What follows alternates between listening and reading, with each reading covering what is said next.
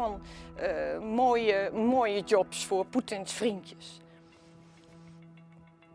Dat is dat in dat grote land waar ik over begon, om dat op te knappen. Ongelooflijk. Zoveel werk dat dat, eh, dat, dat, dat, dat, dat, kost.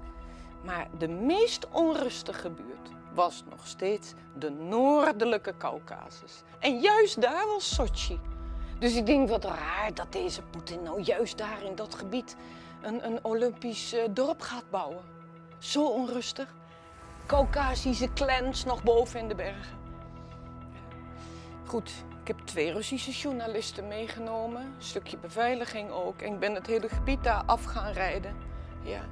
Dus het is niet alleen Sochi wat uh, een megaproject werd. Het was tevens bedoeld om die gebieden, de provincies binnen de Russische Federatie, hoog boven in de bergen, ja, islamitische bevolking, maar waar ook armoede was. Nou, u hoeft alleen maar aan Tsjetsjenië te denken.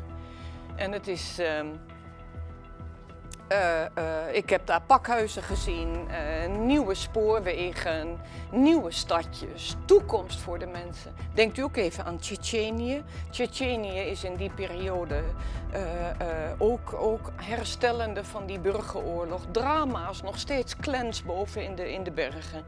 Maar je ziet Grozny. Grozny is dan de hoofdstad van Tsjetsjenië. En daar, ik daag u uit. Ga er zelf naartoe. Ja van een stad waarvan u de ruïnes nog op uw netvlies hebt staan. Prachtige allee met fonteinen, prachtige grote gebouwen, uh, universiteiten. Ik vroeg de Tsjetsjeense meisjes, sommige inderdaad met hoofddoek, maar met korte rokjes. Uh, um, um, um, nou ja, een broer hebben, een familielid die om het leven is gekomen in de Tsjetsjeense oorlog. Maar over het algemeen hoorde ik positieve reacties. Ik ben zelf natuurlijk huiverig voor deze uh, uh, clanleider, was die ooit, maar uh, president van deze deelrepubliek Tsjetsjenië, dat is Kadyrov, dat is uh, echt geen lekkere. Maar hij blijkt in staat te zijn om daar die um, gewelddadigheden uh, tegen te houden. En dat zal zelf wel een rouwdouwer zijn. Ga ik niet over door, is een aparte lezing over Tsjetsjenië en over de Caucasus. Maar wat ik ermee wil zeggen, onze berichtgeving was vooral uh, neergezet op uh, alle vriendjes en alle corruptie en alle mooie jobs die naar bepaalde mensen gingen. Nogmaals, een deel daarvan is ongetwijfeld waar. Aan de andere kant, in Nederland of in het Westen heb je ook nog dat bepaalde aanbestedingen gaan of uh, staatsopdrachten naar bepaalde mensen. Ja, ik wil alleen mee zeggen, het was uh, bij ons op één manier weer belicht en de Russen op een andere manier. Uh, behalve, en behalve de trots. Dus heel langzaam begon ik in dat pro-westerse Rusland iets te voelen van niet alleen de westerse berichtgeving algemeen, met geopolitiek, waar ik nu vanaf ben gebleven, maar met name over mijn eigen Nederlandje, dat gave Nederlandje. Dat ze toch iets kregen van, hoe, ja, dat vingertje van jullie is, wel, is er wel iedere keer. Uh. Afsluiting, Sochi, we zitten dus nu een jaar verder, 2014. Oh ja, daar hebben we ook nog even die toestanden met, uh, met Irene Wust. Ja, dat Poetin uh, dan haar natuurlijk een klop op de schouder had gegeven. En uh, dat was dan. Uh, en Maxima en Willem-Alexander. Die waren dus net uitgenodigd en naar Sochi toegegaan. En wel of niet dat beroemde biertje, daar gaan wij dan meer over door. Maar eigenlijk was het de afsluiting van het Nederland-Ruslandjaar. En ik durf niet te zeggen dat het een succes was. Het ging uh, het een na het andere. Maar juist bij die afsluiting in 2014, februari-periode, zien we dat het bij de Maidan helemaal uit de hand was gelopen. Na begon uit de hand te lopen. Dat is juist dat moment. Nu gaat de geopolitiek weer spelen. Ik vertelde u 2008 cruciaal moment om toch te voelen wat dan nu niet het gewone volk in Rusland echt meekreeg. maar waarvan de Russische leiding, het Kremlin, de functionarissen, het leger, uh, zich niet serieus genomen heeft gevoeld wat betreft die NAVO-uitbreidingen. Nogmaals, die eerste uitbreiding hebben, die, hebben ze moeten slikken. En ook omdat het land nog verder ja, wankel was in 1997. Die tweede uitbreiding, terwijl Poetin al aan de macht is en met Bush, ja, daar begon die groep sterker te worden. En uh, ja, dat, dat, dat, dat ongeloof uit te spreken van uh, we zouden toch samen optrekken. Maar die derde uitbreiding, 2008, de NAVO-top in Boekarest, waarbij dus ook de achtertuin zou worden meegenomen in het NAVO-gebeuren.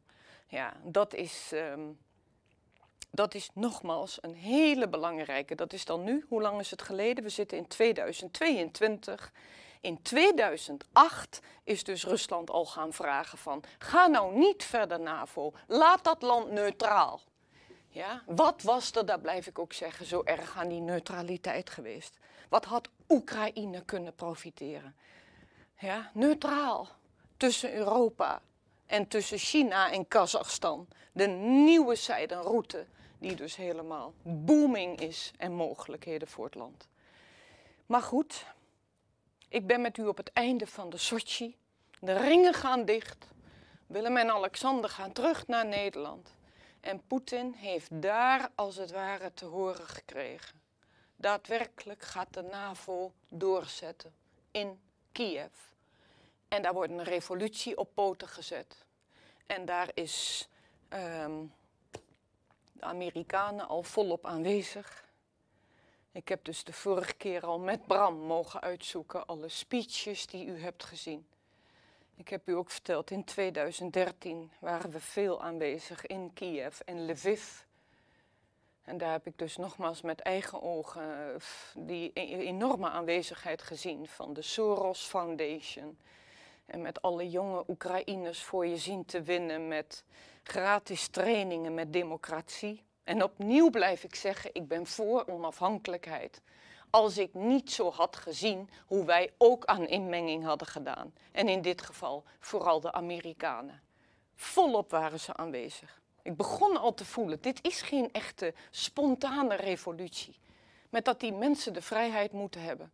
En dat ik ook vind vandaag de dag dat Russen zich vergalopeerd hebben. In ieder geval in West-Oekraïne. Ja, dat ze daar te snel het vertrouwen hebben gehad. Van nog steeds zijn we met elkaar verbonden. Absoluut. Is dat een, uh, een, uh, een misrekening van de Russen. Maar dat zeg ik niet voor Oost-Oekraïne en voor de zuidkant. Ja, daar was dat minder aanwezig. Maar Kiev, hoofdstad, tot en met de Poolse grens, daar was het al voelbaar, zichtbaar, NAVO-oefeningen, trainingen, McCain's, Joe Biden, zijn zoon aanwezig, tot en met de Hillary Clintons, tot en met uh, uh, Victoria Newland, die zal al helemaal klaargestoomd zijn wie daar op de troon zou moeten komen te zitten. Dus op het moment Sochi eindigt, krijg je op het Maidanplein in Kiev, krijg je dus de revolutie. En bij ons in de westerse media werd dat natuurlijk bericht als een vrijheidsrevolutie. Kijk, die mensen allemaal in, in december en in januari en in februari ja, uh, voor hun vrijheid gaan. Um, het was de revolutie van de dignity, van de waardigheid.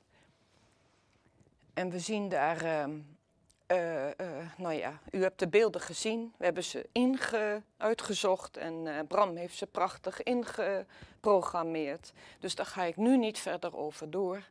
Maar vanaf het moment dat de Maidan-revolutie, dat die in westerse ogen geslaagd is... en dat daar een pro-westerse regering opkomt... zeg ook maar een elite-regering, die doet wat de Amerikanen in dit geval doen met een gefrustreerde bevolking. Maar ook met een bevolking die natuurlijk 15 of 20 jaar jonge lui, die ook hopen op een betere tijd en niet met de corruptie in hun land willen dealen.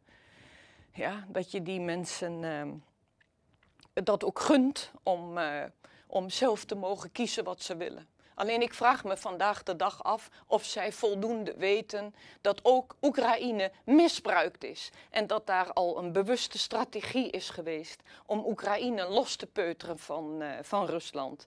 En opnieuw de Wolfowitz-doctrine of het Amerikaanse concept. Het full spectrum dominance. Ik blijf dit een ontzettende gemiste kans vinden en heel erg jammer. Uiteraard komen daar ook onze Brusselse mensen bij. Dit is de periode van Hans van Balen. En dan natuurlijk Frans Timmermans en ook Kiefer Hofstad. En hier zien we dat de Maidan-revolutie uh, eindigt met een president die corrupt was, maar democratisch gekozen waren al die presidenten allemaal corrupt. En nu krijg je een nieuwe man. Dat wordt de Poroshenko, de chocoladekoning. En die gaat het land verder leiden. Vanaf maart 2014, april. Maar wat voor ons Westerlingen moeilijk te vatten is, en misschien kregen we daar ook te weinig berichtgeving over, het is een burgeroorlog. Een burgeroorlog aan de gang. Wat voor die tijd nog vreedzaam of redelijk oké was, behalve dat het land veel slechter geregeerd werd, maar je had tenminste hier Russen wonen, Oekraïners, met elkaar getrouwd, gingen nog voor een onafhankelijk Oekraïne, inclusief ook de Russen. Ja, daarbij woonden er heel veel Letten, Esten, Armeniërs, Grieken, allemaal aan die zuidkant uit de oude geschiedenis. Dus de mix van mensen was natuurlijk ook moeilijk. De een heeft het beter dan de ander. Maar ik weet zeker, na de Maidan, met die pro-westerse regering, zie je dat. En dat heb ik gemist in de westerse media. Hoe toen de Russische bevolking in het nauw is gekomen. Die dus eeuwen met elkaar hebben samengeleefd. Krijg je dan dat echt een burgeroorlog op gang komt? En nog heel even, als u de afgelopen 24 februari met het drama tussen Oekraïne en Rusland, waar het allemaal begint, dat u daar die vluchtelingen ziet die in Nederland en Polen aankomen. Ik heb het misschien al eerder gezegd. Ja, dat is in ons, op ons netvlies uh, gegrift, uh, staat het gegrift. Maar ik heb acht jaar lang met tig Russen en Oekraïners, vanaf dat Maidanplein, heb ik vluchtelingen gezien. Heb ik gezien hoe Poroshenko bombardementen uitvoerde hoe hier clusterbommen werden neergelegd in Oost-Oekraïne. Om deze oostkant, zuidkant dan maar gedwongen bij het West-Oekraïnse beleid te krijgen. En dat ligt er niet om. Hebben wij allemaal gemist in de media. Misschien een enkele keer dat uh, er nog een journalist tussen kwam. Maar over het algemeen is dat, uh, is dat uh, is dat gewoon veel te weinig belicht en kunnen we het vandaag de dag ook heel moeilijk plaatsen. Dat niet iedereen in Oekraïne zo pro-westers is ingesteld. En dagelijks moet ik nog tolken, mag ik nog tolken voor de Oekraïners en krijg ik de eerste geluiden ook mee hoe het is om het leven in Nederland te hebben. Maar durven sommige Oekraïners, vooral aan de oostkant en aan de zuidkant, ook wat meer te zeggen hoe zij het hebben gehad de afgelopen acht jaar. Hoe zij hun banen verloren. Hoe zij op hun lonen en pensioenen werden gekort of niet werden uitbetaald. Of hoe zij gepest werden. Of hoe geschiedenis herschreven moest worden. Ja, is veel meer aan de hand geweest. Um, ik denk dat ik uh, het daar bij laat wat betreft de Maidan. En aan twee kanten de berichtgeving. Um, maar na die Maidan begint dus de burgeroorlog. En daar heb ik het ook kort de afgelopen keren over gehad. Niet meer over doorgaan. Maar het is de Krim, hoe dan ook, waar voornamelijk weer die Russisch-talige bevolking woont.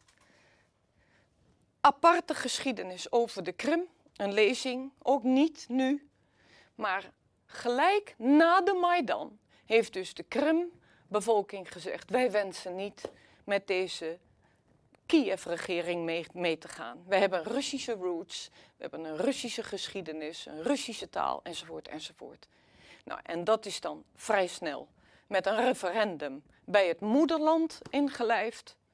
In Nederland nogmaals, in het Westen ongelooflijk. Dat is, dat is abracadabra. Een Rus aan de andere kant zegt weer van, het is democratisch gebeurd. En je kunt je inderdaad afvragen, stel dat het toen niet was ingelijfd bij Rusland, dan was daar ook een burgeroorlog gekomen, wat we vandaag de dag hebben. Ja, misschien dat die dingen nu wat duidelijker worden. Maar op het moment dat de Krim dan bij het Westen komt, ga ik daar nu niet over door wat u daarvan vindt. Heeft het gekund? Was het juridisch mogelijk? Apart onderwerp. De Russen wilden het zelf, die op de Krim wonen. En dat is met 96,7 procent gestemd. En daar zie je dus die vrolijke mensen. Maar bij ons was het ongeloof. En ik weet nog dat nu.nl schreef. Dat zijn Stalinistische cijfers. Daar klopt helemaal niets van. Ja, hoe het ook zij. Dat cijfer, dat klopte wel. Ja, grotendeels was het iets dat die mensen niet mee wilden. En in, in, nogmaals, in Oekraïne was het economisch ook allemaal slechter dan in Rusland. Ik snap ook dat mensen ervoor gaan dat je een beter loon wilt hebben of dat je betere toekomst hebt. Maar het grotendeel was omdat je verbonden bent met jouw moederland, dat ze dat wilden. Dat is democratie. Ja? Maar het allerbelangrijkste blijf ik zeggen. Geopolitiek nu Kiev in handen was gekomen met de westerse, zeg maar Amerikaanse leiding, was het dus heel makkelijk geweest voor Amerika om te denken, als wij Oekraïne van Rusland kunnen wegpeuteren, kunnen wij de NAVO makkelijk hier op de Krim krijgen. En hadden we de hele Zwarte Zee, ja, als het ware, van ons, uh, van de westerse Amerikaanse wereld kunnen hebben. Over gesproken, één kant berichtgeving, andere kant van de berichtgeving. Na deze Krim-toestanden uh, begint dat dus in de Donbass, wat we vandaag de dag ook op het nieuws zien, heel onrustig te worden. Hier heeft de Russische regering heel duidelijk gezegd: onmogelijk. Alleen we willen er wel voor pleiten dat u een zekere vorm van autonomie hebt. En daar zit het probleem. Dat is het Minsk-probleem. Uh, Minsk-akkoord. Waarvan ik ook merk aan lezingen in het land dat te weinig mensen hier achtergronden van hebben. Het Minsk-akkoord houdt in dat de mensen die hier in de Donbass leven, die in de problemen waren gekomen met hun werk, met hun pensioenen, met de richtlijn hoe hun land geleid moet worden, dat zij aangaven, ja, we willen misschien wel het liefst bij Rusland wonen, komen, maar blijkbaar kan dat niet, maar dan willen we een autonome status hebben, iets kunnen beslissen zelf. En dat is nooit nagekomen. Dus ook weer, welke kant van de berichtgeving uh, zie je en volg je en hebben wij genoeg achtergrond hierover? Maar goed, dat ging dus uh, niet. Maar wat ik u zei, ik heb wel die acht jaar lang zoveel vluchtelingen gezien.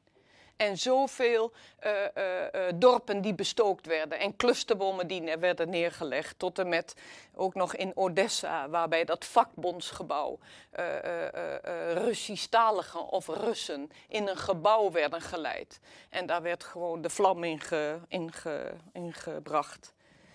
En daar zijn dus mensen ook levend verbrand geweest. Daar is de Russische regering ook heel erg verbolgen over geweest. Ja, het is echt een burgeroorlog daar gaande. Maar in dit drama, wat nu aan de gang is, met een land wat in oorlog is, waarvan ik vind dat we mede schuldig zijn wat daar is gebeurd, komt ook nog eens de MH17 aanvliegen. En die MH17, Oekraïne had dus dat luchtruim moeten sluiten. Maar de MH17, het drama van ons Nederland natuurlijk. Dat is uh, eh, 2014 opnieuw. Dus nogmaals, Maidanplein is februari 2014. Krim-referendum is maart 2014. April komt dan de hele onrust in de Donbass. En uh, ja, het niet kunnen leven met de westerse Kiev-regering. En dan hebben we mei en dan hebben we juni. En ik herinner me dus nog goed dat Nederland keek naar de, geloof dat was de halve finale halve finale tussen uh, Argentinië en Nederland. En natuurlijk, dat hoort bij ons leven. Ons leven ging verder. Maar dat is juist die periode dat in Oost-Oekraïne de boel helemaal ging ontwrichten. En die mensen allemaal over de grens gingen uh, vluchten. 14.000 doden, ja, vergeet dat ook niet. Heel veel doden zijn daarbij gevallen. Niets van bij ons. Maar als die MH17 in juli komt overvliegen, ja, drama compleet uiteraard. Ik weet nog dat ik een uh, hele vermoeiende reis heb gehad in Noord-Siberië, bij het permafrostgebied. En dat is de rivier de Jenizee. Dus ik kwam redelijk vermoeid aanvliegen uit in, naar Moskou toe. En daar al bij de landing op Sheremetyevo hoorde ik dus dat daar een Nederlands vliegtuig, uh, een MH17, uh, eh, een Maleisisch vliegtuig met heel veel Nederlanders aan boord was neergestort. Ik kon het echt helemaal niet geloven. Ik denk ook dat nog erbij met die slechte sfeer. En uh, goed, in, thuis aangekomen, hele dag informeren. inderdaad, het werd bevestigd. En de volgende dag krijg je ook nog dat Frans Timmermans. Ja, die was toen de minister van Buitenlandse Zaken. Uh, ja, die, die, die ging naar de Verenigde Naties toe. En dat weet ik ook nog heel goed, dat hij daar de hele wereld toesprak. Hij heeft zulke pra prachtige Engelse taal. Maar hij sprak daar tot de hele wereld van... Nou ja, over het grote drama. Maar dan is dat ook dat stuk dat hij zegt van nou ja, de gedachte dat je de, voor het laatste moment de pols aanraakt van je dierbare. Of um, als je hem voor het laatst aankijkt. En verderop zei hij ook nog in de speech van um, dat de separatisten, hè, dus de, de Russische kant, dat die Russische kant, uh, de separatisten, daadwerkelijk als bandieten als thugs um, gingen zoeken naar bezittingen, dus naar trouwringen en naar telefoons. En ik weet nog dat ik uit mijn kamertje in Moskou keek en de hele stad voor me zat, maar dat het me helemaal duizelde van, oh, zijn daadwerkelijk mijn Russische separatisten of de, mijn Russen daartoe in staat? Totaal ongeloof, hele nacht niet geslapen. Het kwam bovenop die media-hetsen van 15 jaar lang. En de volgende dag, weet u of u nou toen de tijd de, de Trouw las, of de Volkskrant, of de NRC, of, of uh, um, welke krant dan ook. Overal op de voorpagina stond dus deze separatist. En dat is deze man die een knuffel omhoog hield, als het ware als een trofee, dat hij die op de rampplek gevonden, gevonden had. En het, werd, het kwam zo op ons over dat deze man niet alleen telefoons nam of ook uh, trouwringen van die rampplaats, maar ook een knuffel. Ja, en hij heeft daar natuurlijk ook, um, je ziet hem staan met andere mannen. En eigenlijk is het, uh, het beeld werd zo neergezet van dit doen die, dit doen die separatisten. Ja. In werkelijkheid is het uiteraard iets geweest dat deze man ja, van zijn mannen heeft geëist om allemaal de pet af te nemen. En om uh, ja, een kruisteken te slaan voor deze knuffel. Waar, van welk kind dit kind, uh, hè, van, van, welk kind uh, had deze knuffel gehad. Dus ook buitenproportioneel. En weet u, ik snap dat een aantal weken later de NOS dit heeft rechtgezet. In een paar regeltjes. Maar weet u, de meeste van ons waren toen al op vakantie. En, en, en, en, en ook uh, het, het, het kwaad was al geschied. Maar dat was natuurlijk een grof voorbeeld van uh, hoe media buitenproportioneel op het gevoel kan inzoomen. Juist omdat we allemaal emotioneel waren vanwege dat drama. Maar ik begon echt te voelen van uh, dit loopt enorm uit de hand. Ga me trouwens niet vertellen dat dat in Rusland niet gemeld is of veel aandacht aan besteed is. Ja, wel heb ik natuurlijk ook vaak van, van Nederlanders gehoord, ook weer met lezingen, met tolkwerk, met, met, met, met reizen. Van Mariet Reijers, waarom liegen die Russen altijd zo? Ja, dus dat is alsof wij uh, niet natuurlijk eh, bepaalde dingen moeten weg, weglaten. Maar ik voelde ook als ik die vraag bij Russen neerlag, bericht hier meer over. Nogmaals, er is wel discussieprogramma's over geweest. Ik heb veel kranten gezien, veel opiniemakers daarover. Maar Russen hebben ook, ehm, ook iets gezegd van, uh, dat hoorde ik ook meerdere malen. Marie zolang jullie je alleen met de MH17 bezighouden en jullie je daarin verdiepen, dat wij daar alle antwoorden op moeten hebben vragen wij aan jullie. Zolang jullie je niet meer verdiepen wat er op dat Maidanplein is gebeurd, hoe jullie daar al jaren, en vooral de Amerikanen, aan inmenging hebben gedaan, wat niet in jullie kranten komt, zeggen wij van, nou ja. En zo werd het een gekibbel, ook tussen mij en mijn vrienden en, en, en, en uh, op het nieuws, uh, praatprogramma's op zijn Russisch. En ik blijf zeggen, tot die tijd waren er in Rusland zeer goede programma's. Met uiteraard hun staatspropaganda, met hun amusement, met hun films. Maar over het algemeen waren daar zeer kundige, goede praatprogramma's bij. En ik genoot altijd van grote wetenschappers, geopolitici. En, en, en ja, daar kun je dat, dat blijf ik zeggen. Rusland had veel aandacht voor kritische denkers die met wereldproblematiek bezig, bezig waren. Tot en met problemen in eigen land, ook waar gouverneurs werden aangepakt, waar ik weet niet wat voor andere problemen werden neergezet. Ja. Ehm, we hebben 2015. Ja. Het leven gaat verder. In Nederland onze problemen, in het westerse gebeuren. Maar ik denk dat dit meer het, jaar is van Syrië. En opnieuw is er een aparte lezing over Syrië en Rusland. Syrië en het Westen. Ga ik nu niet over door, omdat het. Ehm, ik moet even nu naar het einde toe gaan. Ehm, het Syrië-verhaal zou je ook weer van twee kanten kunnen belichten. Wij kregen de ene kant. Ook in Rusland hebben ze net zo goed wat kritiek gehad op het westerse gebeuren in uh, Syrië. En Russen zijn overgevoelig geweest voor het Irak-verhaal met het gemis aan een plan B met Saddam Hussein. Dan krijg je het Libië-verhaal, Saddam Hussein, uh, Gaddafi dan krijgen we dus de Oekraïne-verhaal. Vandaar een president van de troon stoten. Heb je daarmee een plan B? Heb je daarmee de mentaliteit veranderd van de mensen? En zo was bij Syrië, kregen Russen meer iets in zich van... Ah, als jullie daadwerkelijk daar Assad weg willen hebben... zorg dan wel eerst voor uh, een plan B, alsjeblieft. Want het is onze achtertuin, daar gaan we weer.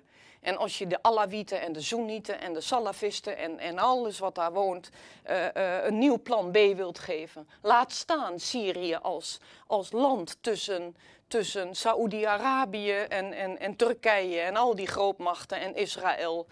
Um, ja, dus willen wij niet dat, dat er zomaar weer iemand van de troon wordt gestoten. Even los van berichtgeving Westen, berichtgeving in, in, uh, in Rusland. Vervolgens komt het jaar 2016. Ja, je blijft hopen dat de boel wat gaat uh, uh, neutraliseren, wat stabiliseren. Maar juist in die periode krijgt u de fase van uh, Amerikaanse, Amerikaanse presidentsverkiezingen. En dit is met Trump. En dit is natuurlijk met, uh, met Hillary Clinton. En um, dat was vooral op ons nieuws. Dat was vooral het hoofdthema in de westerse wereld.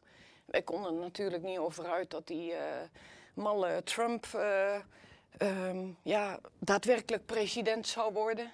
We wisten ook dat Syrië, dat, dat, dat Hillary Clinton misschien toch ook niet de allerbeste zou zijn. Maar hoe het ook zij, avond na avond.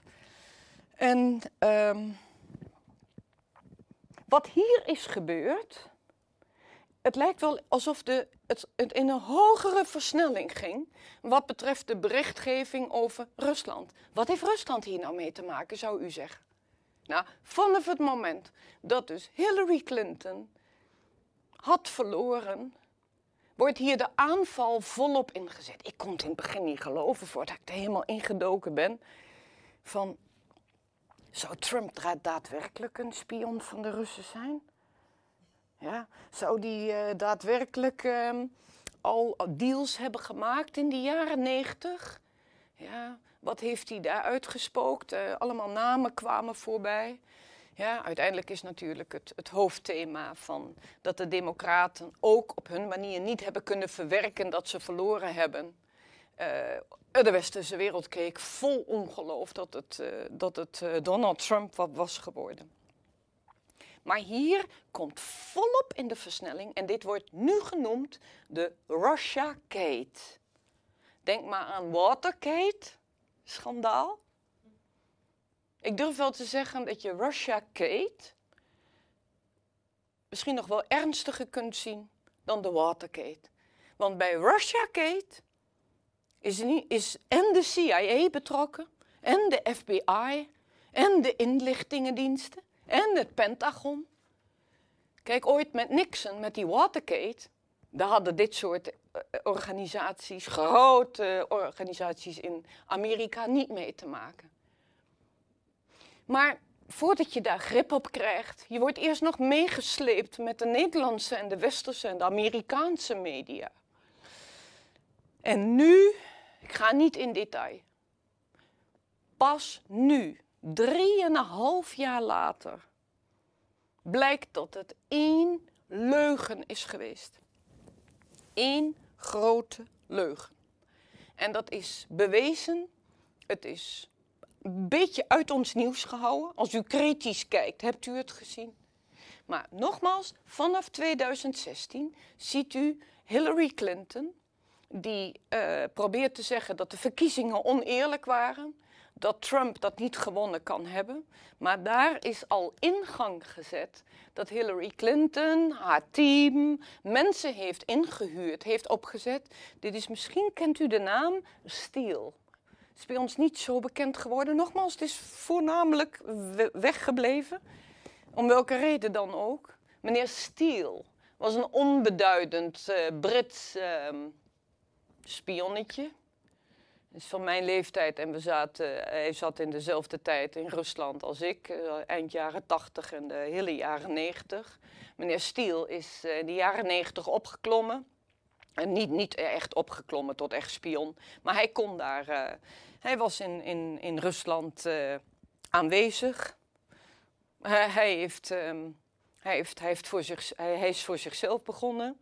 Hij heeft geloof ik een privé-detective uh, bureautje opgestart. Echt alles tje, tje, tje. Het is geen grote spion, het is geen grote man.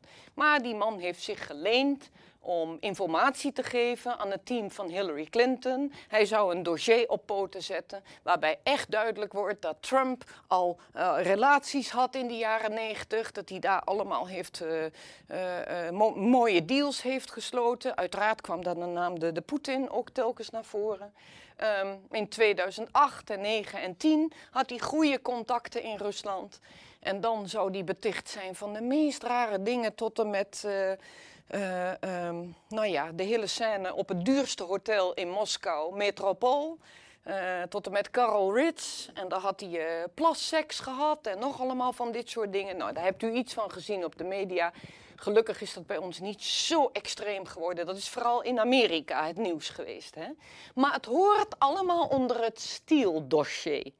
En zelfs het hoofd van de, van de, van de, van de FBI, James Comey, en het hoofd van de, de um, inlichtingendienst, Klepper.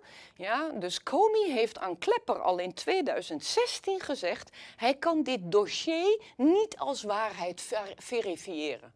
Zo van het deugt niet helemaal, het klopt niet helemaal. Maar hij heeft het toch voor waar laten doorgaan.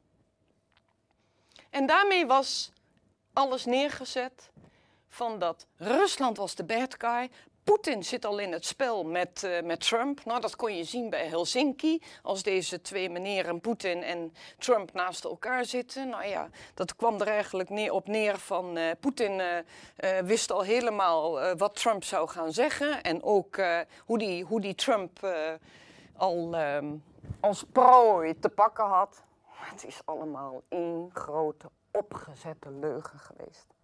Is, het is te gênant voor woorden waar nota bene deze grote inlichtingendiensten in Amerika van geweten hebben dat dit door de Hillary Clinton campagne is betaald, opgezet enzovoort. En het heeft drie jaar lang drieënhalf jaar lang in de media de overhand gekregen. En vanaf die tijd krijgt u die hogere versnelling, weet u. Daar begint het in Nederland met trollenfabrieken, tot en met dopingschandalen, tot en met uh, um, uh, AIVD, tot en met uh, Rusland, Rusland zou Afghaanse bounties hè, betalen, dat ze Amerikanen zouden gaan vermoorden. Het, het, liep, het liep helemaal uit de hand. En nogmaals, een heleboel dingen kunnen op waarheid zijn berust. Maar het meeste was, was zonder feiten. Weet u, als u dan bijvoorbeeld over dat dopingschandaal, uh, uh, uh, wat in diezelfde tijd dus speelde, ook een andere speech zou horen als Poetin zijn eigen mensen aanpakt door te zeggen: Russen, dit dopingschandaal is geen westerse propaganda. Ja? Het is waar. Het probleem zit in ons, in Rusland. Wij moeten uh, dit oplossen. Wij zijn hieraan schuldig. Ja? Dat, dat, als je dat soort beelden ook eens had uitgezonden. Maar dat kwam er uiteraard niet. Nou, hoe het ook zij, het is 2017. Die Russia-Kate uh, uh, ellende die loopt door. in wezen in 2018 krijg je dan krijg je dan het begin met de Skripal-affaire. Weer weken en maanden lang over hoe Skripal in Londen was vergiftigd. Alsof Poetin er zelf achter zou zitten. Ook weer geen feiten. Uh, het ene praatprogramma na, na, het andere. Ik heb u al verteld, ook Skripal uh, moet je teruggaan naar de jaren 90. Daar in, in die negentiger jaren dat Rusland helemaal onderuit ging, lagen, lagen al die inlichtingenapparaten, al die defensiedeskundigen, lag allemaal op hun gat. Dus ieder spionnetje, iedere man die bij een grote organisatie werkte, als de, toen de FSB, en je kon nog wat nemen en graaien, ja, dan werd dat verhandeld. Dus ook Skripal zit bij die kleine boefjes uit die jaren negentig. Die is gewoon verhuisd naar Salisbury met zijn vrouw. Daar zullen allemaal wat afrekeningen zijn geweest. Maar om nou per se vanaf het begin te zeggen, uh, um, het Kremlin zit hierachter, wel of niet waar, heleboel zaken zijn in Rusland nog niet in orde. Ik weet het. Maar waar komt het land vandaan? En wat heb ik gezien de afgelopen 15 jaar? Wat daaraan vooruitgang is geweest. En mensen waar we blij van worden. Mensen waar we wat mee kunnen. Maar het werd allemaal negatief neergezet. En dat maakt dat ook Russen, ook mensen in de oppositie, maar gewoon nog, nog niet de hele heftige op de oppositie. Maar soms, ja, ik kreeg ze tegen me. Ik kon dat echt merken. En soms dan zei ik wel van, ah jongens, maar jullie moeten ook tegen kritiek kunnen. Ja? Dan probeerde je iets het Westen en ook mijn eigen land te verdedigen. Maar ja, ik merkte gewoon, uh, ze konden, konden niet veel meer hebben. Ze zijn wezen veel vergevingsgezinder dan wij. Ja? En 30 jaar gericht op dat Westen. Maar het en, en, en, als ik dan ook bijvoorbeeld iets zei van, ja, maar begin nou ook eens met dat politieke stelsel. Hè? Zeg eens iets. Eh, ga, ga eens voor het begin van een P van de A. Of een, of, een, of een VVD, of een CDA, of een SP, of het maakt me allemaal niet uit. Al, dat, al deze uh, partijen die belangrijk zijn voor een democratisch stelsel. En weet u, heus, de meest geletterde wetenschappelijke of zakenman, die kijkt me vaak met zulke ogen aan door te zeggen van Maritres, ja, is, uh, dat, is, dat is voor later. Ja? Wij zijn nu eerst bezig met banen krijgen, met dat het water weer loopt, dat we elektriciteit hebben, dat de scholen weer functioneren, dat het hier in Siberië een beter leven wordt. Ja? Dus jij altijd met je politieke vragen over zo'n stelsel opzetten. Ja? Bang met zulke ogen. Dus ook dit is heel betrekkelijk. En soms moet ik zeggen dat het ook heel prettig is soms met Russische mensen te leven. Dat zij mij weer leren om uh, minder hectisch te zijn. En, en, en, en weet u, soms, soms is het ook wel lekker om, uh, om niet altijd met politiek bezig te zijn. Hè? Kan ook veel meer rust geven en uh, alles wat hierbij komt. Maar kortom, het was ene kant van het verhaal en de andere kant. En de Russische kant had vooral iets van, ik begon te merken dat we ze langzaam tegen ons konden krijgen. Nou, en dan krijg je als laatste nog, uh, krijg je ehm, het hele gebeuren uh, met Navalny. Ja, ook dat niet te veel over doorgaan.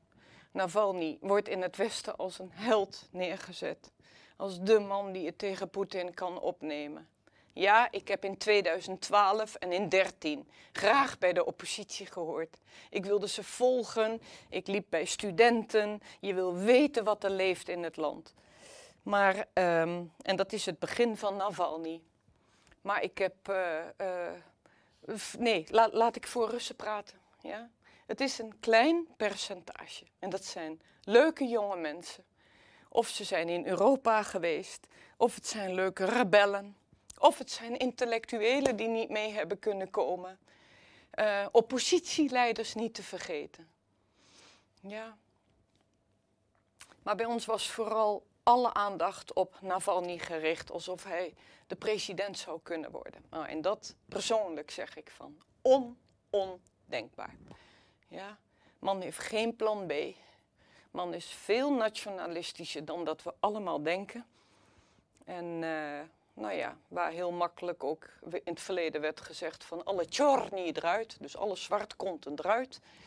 Uh, protestbewegingen, uh, de krachtenverenigingen, verenigen. Weet je, dat is juist ook mooi met oppositie. Dat je ook andere mensen aan het woord laat en dat ze zich gaan verenigen. Maar als je Navalny aan de praattafel zat, dan was het of dat die uh, uh, Xenia Sobchak weg, weg, wegstuurde, als het ware, uit de studio. Tot en met zijn andere collega's, tot en met andere mensen die ook aan het woord wilden zijn om hem te steunen.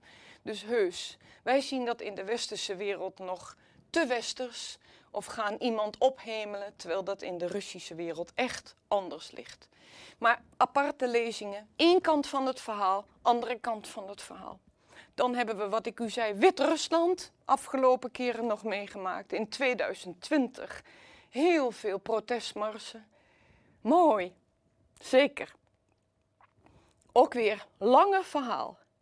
Maar ik heb ook de Wit-Russische kant gemist in de andere steden. Hier heb je Komel, hier heb je Brest, hier heb je uh, uh, Vitebsk, stad van Chakal, hier heb je Minsk. Met opnieuw, Wit-Russen hebben het gehad met Lukashenko. Maar die Wit-Russen zijn zich rot geschrokken wat er in Oekraïne is gebeurd. Absoluut willen zij dat niet. Zij zijn zich ook wat meer gaan verdiepen wat het is dat je niet alleen voor vrijheid gaat en voor democratie, maar ze hebben ook gezien dat er toch meer inmenging is geweest. En dat daar ook het begin van was in Minsk, waar Pompeo al aanwezig was. Wit-Russen, jullie kunnen ook bij het westerse flank komen. Niet nu. Aparte lezing. Eén kant van het verhaal wat u op de televisie kreeg. En aan de andere kant het Wit-Russische verhaal. Wel heeft Wit-Rusland minder last gehad van die extreme maffia en wildwestperiode, zoals je dat in Oekraïne en Rusland tot 2000 hebt gehad. Ja? Dus daar zijn meer staatsfabrieken gebleven en ook wetenschappelijke centra. En als, uh, uh, als laatste natuurlijk, lieve mensen, is uh, hoe het allemaal zo uit de hand heeft kunnen lopen. Ik blijf, ik, blijf, ik blijf gewoon zeggen, met alles wat er in dat land nog niet goed is, en wat daar allemaal nog gebeuren moet. Er zijn ook heel veel zaken die wel in orde zijn. En waar we ook echt van kunnen leren.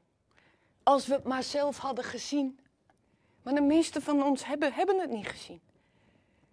Een enkele reiziger, ja, die loopt op het Rode Plein of is in de Hermitage. Maar om het te wonen en te leven en te werken. Ik ben, ik ben alleen op zoek naar de waarom-vragen waarom wij zoveel Russen ook tegen ons in het harnas hebben gejaagd. En dat is dus niet alleen MH17 en uh, andere ex, uh, excessen of berichtgeving. Het is dus nogmaals al veel langer aan de gang. En dat is alsof wij ieder, iedere, ik blijf het zeggen, iedere week, soms iedere dag een anti-Rusland spuit toegediend krijgen. En dat, dat gaat zitten. Als je er niet zelf bent geweest en niet zelf kunt oordelen. En, en, en, en waarom dat juist bij ons zo, zo pakt in Nederland, Wij staan juist bekend dat we een heel open land zijn en dat we ook, ook, ook, ook, ook zelf ons oordeel willen vormen. En dat we zo democratisch natuurlijk zijn en zo tolerant. Maar waarom dat nou bij ons zo aanpakt, ik, ik, ik, ik kan misschien een paar redenen nog als laatste toevoegen, omdat het mij ook iedere dag bezighoudt. Van hoe kan dat nou? Als ik in bibliotheken of in lezingen in het land ben, los van dit drama van wat er de afgelopen drie maanden aan de hand is. Het was voor die tijd al. Dat je zo moet oppassen wat je over Rusland zegt. Of dat mensen aan mij vragen, Marie kun jij, durf jij hier te zeggen op straat wat jij wil in Moskou? Ja? Weet u, ik heb mijn eigen woning, ik leef er. Ik ben nog vrijer misschien dan in mijn eigen Nederland. En natuurlijk moet je aan regels houden en wat, wat er nu uh, gebeurt. Maar, maar, maar, maar hoe dit zo gekomen is, ik, deels is het natuurlijk de oude tijd met communisme. Onze ouders en onze grootouders zijn toen al doodgegooid met dat rode gevaar, communisme, ja, bang, is er een gordijn, moest je niet achter terechtkomen. Dus het gaat best wel makkelijk om, om, om bij ons dat weer, dat weer aan te wakkeren. Ja? Op scholen merk ik het ook, zoveel docenten. Prima docenten, geschiedenis, maatschappijleer, wat heb je allemaal. Maar de basis van de afgelopen 30 jaar of 20 jaar, wat daar in Rusland is gebeurd en hoe westers dat land dat was. De meeste docenten weten niet eens, tenminste sorry dat ik het zo zeg, maar, maar, maar hoe ze het aan hun leerlingen overbrengen. Ik merk dat van middelbare scholen. Overal waar je mag zijn om gratis gastcolleges te geven middelbare scholen over de Tweede Wereldoorlog, tot en met universiteiten, tot en met school voor journalistiek. Men is bij voorbaat al, al, al, al, al helemaal van overtuigd, daar is de bad guy. En hun politiek deugt niet.